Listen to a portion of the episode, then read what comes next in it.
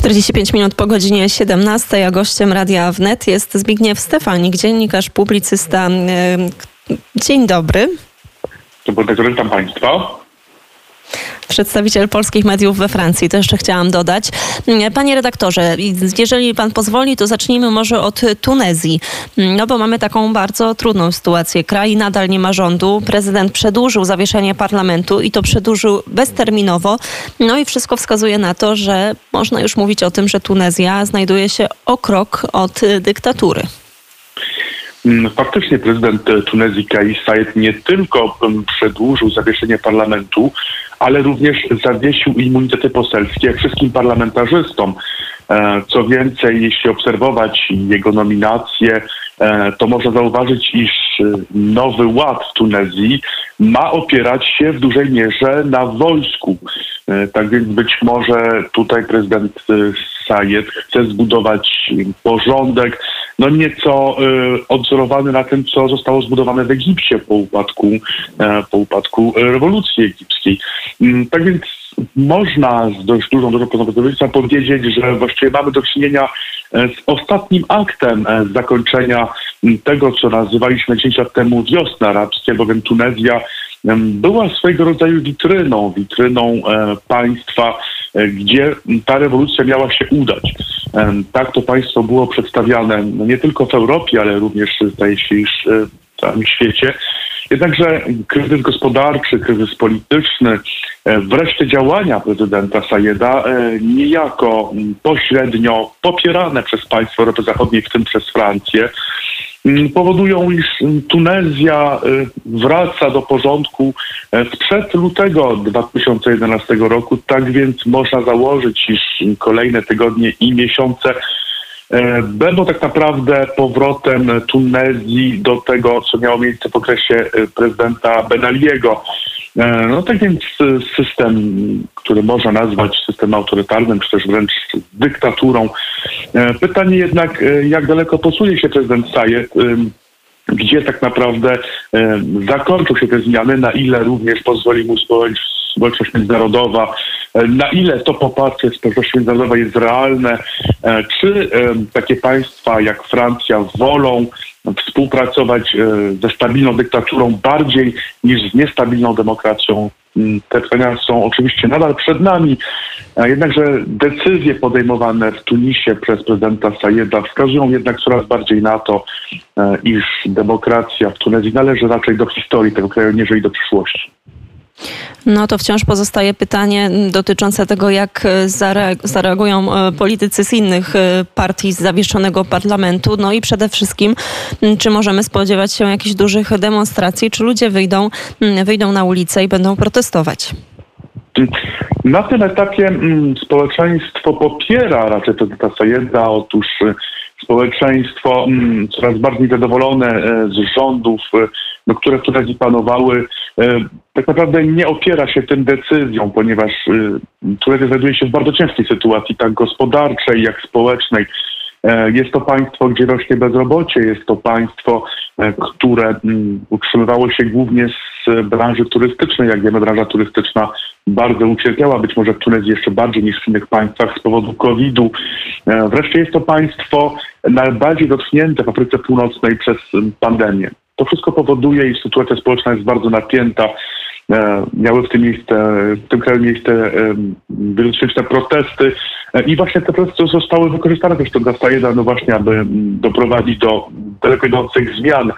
E, te zmiany na początku 25 lipca tego roku w jakiś sposób zahaczały o ramy konstytucyjne, ponieważ faktycznie jest konstytucja, której zresztą podkreślam, Sayed jest przecież współautorem, zakładała możliwość zawieszenia działalności parlamentu e, na czas określony oczywiście. W sytuacji wyjątkowej pytanie jednak, czy sytuacja, która miała miejsce w Tunezji e, kwalifikuje się jako sytuacja wyjątkowa. Jednakże o ile faktycznie jeszcze miesiąc temu można było debatować e, o tym, czy te decyzje mieszczą się jakkolwiek w ramach konstytucyjnych, o, to, o tyle teraz ta debata już nie ma racji bytu, ponieważ faktycznie decyzje Saida już nie mieszczą się właściwie w żadnych ramach prawnych ani konstytucyjnych.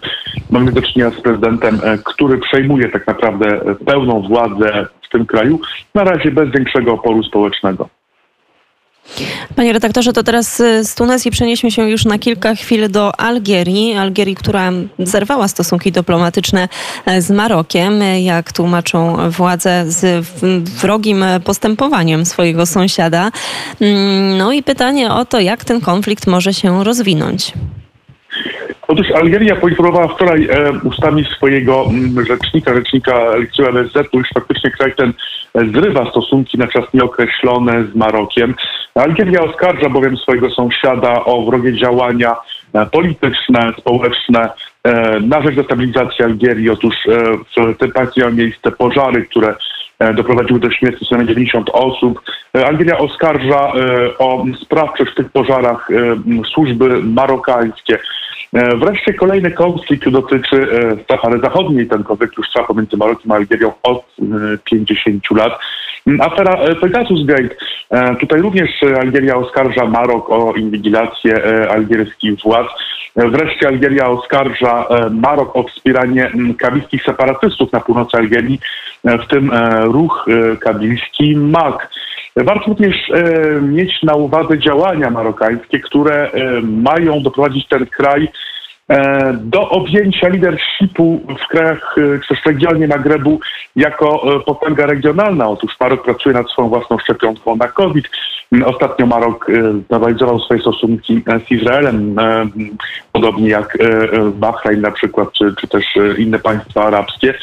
Tak więc Marok korzystając de facto z destabilizacji politycznej Algierii, która trwa w tym kraju od e, dwóch i pół roku, jak również e, z trudnych sytuacji w Tunezji, e, usiłuje objąć leadership nad tym regionem niejako pokazując się jako kraj stabilny, wiarygodny, e, jako dobry partner również e, dla takich państw właśnie jak Izrael. Izrael również zdaje się no, nie być bez wpływu na ten kryzys, ponieważ podczas swojej wizyty Ministra Wewnętrznych Izraela jednoznacznie wyraził swoje poparcie dla władz marokańskich. Było to odczytane jako co najmniej nieprzyjazne działanie wobec e, władz algierskich.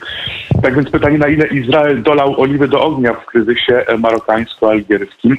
E, wreszcie mm, Francja, Francja, która również nie patrzy przychylnym okiem na działania marokańskie. Przypomina mi, iż jakiś czas temu w ramach afery Pegasus Gate ujawniono, iż prezydent Emmanuel Macron wraz z innymi politykami francuskimi byli podsłuchiwani przez służby marokańskie.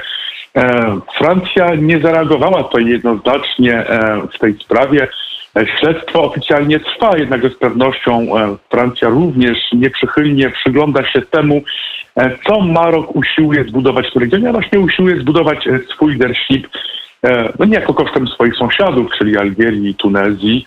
E, pytanie, e, jak miałyby wyglądać nowe stosunki Magrebu z Francją, z Europą Zachodnią w sytuacji, gdzie Marok objąłby ten leadership, no właśnie w tym regionie.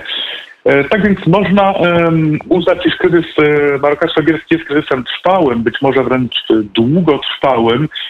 Pytanie, czy dojdzie do jakiejś eskalacji właśnie na linii Algier-Raba, wszystko na to wskazuje. Na tym etapie e, nie grozi konflikt zbrojny, no ale z pewnością e, ta sytuacja e, będzie destabilizowała ten region, który jest bardzo niestabilny w związku z sytuacją w Algierii, Tunezji, no i w związku z działaniami Maroka. Działaniami, które zdają się być coraz bardziej wspierane przez takie państwa jak Izrael, no wbrew takim państwom jak Francja, która będzie usiłowała te działania zablokować. Tak więc z pewnością czeka Magreb wiele turbulencji w najbliższych e, tygodniach, miesiącach. Panie redaktorze, to na zakończenie mm, na kilka chwil przenieśmy się do Francji.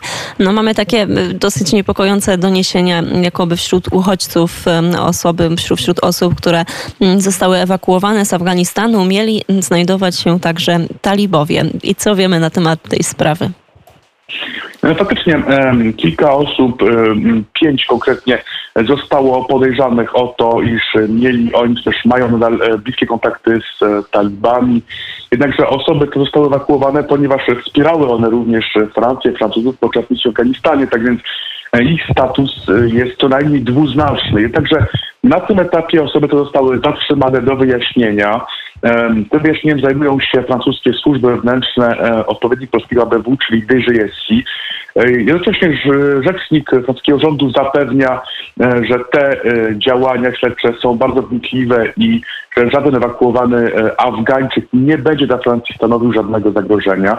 Warto jednak mieć na uwadze, jak wygląda ta ewakuacja, jak również słowa, które padły przecież w polskich mediach, słowa jednego z biorących udział w tych ewakuacji, że raczej do tego się da. No w tej sytuacji faktycznie na miejscu trudno zweryfikować każdego, jest to wręcz niemożliwe. E, tak więc można założyć, że taka sytuacja może spotkać Francję, ale nie tylko właściwie każde państwo, które ewakuuje e, nie tylko swoich obywateli, ale również tych Afgańczyków, którzy wspierali działania państw zachodnich podczas e, ich misji w Afganistanie. Wreszcie francuski rząd informuje, iż w związku z zapowiedzią Joe Bidena, prezydenta USA, iż ewakuacja zakończy się oficjalnie 31 sierpnia Francja również, e, pomimo apelu do władz USA, by tę edukację przedłużyć e, do połowy września, jednak e, również dostosuje się do tego terminu i również zakończy swą ewakuację 31 sierpnia tego roku. Być może wręcz ostatnie lotce Afganistanu przecą do Francji już jutro, jednakże z pewnością Francja dostosuje się do tej strategii, którą przyjęli Amerykanie. O tym informował rzecznik francuskiego rządu. Bardzo serdecznie dziękuję za ten komentarz. Gościem Radia Wnet był Zbigniew Stefanik, dziennikarz, publicysta, korespondent polskich mediów, prosto z nad Sekwany. E, dziękuję, no i cóż, życzę spokojnego, dziękuję dobrego bardzo. wieczoru.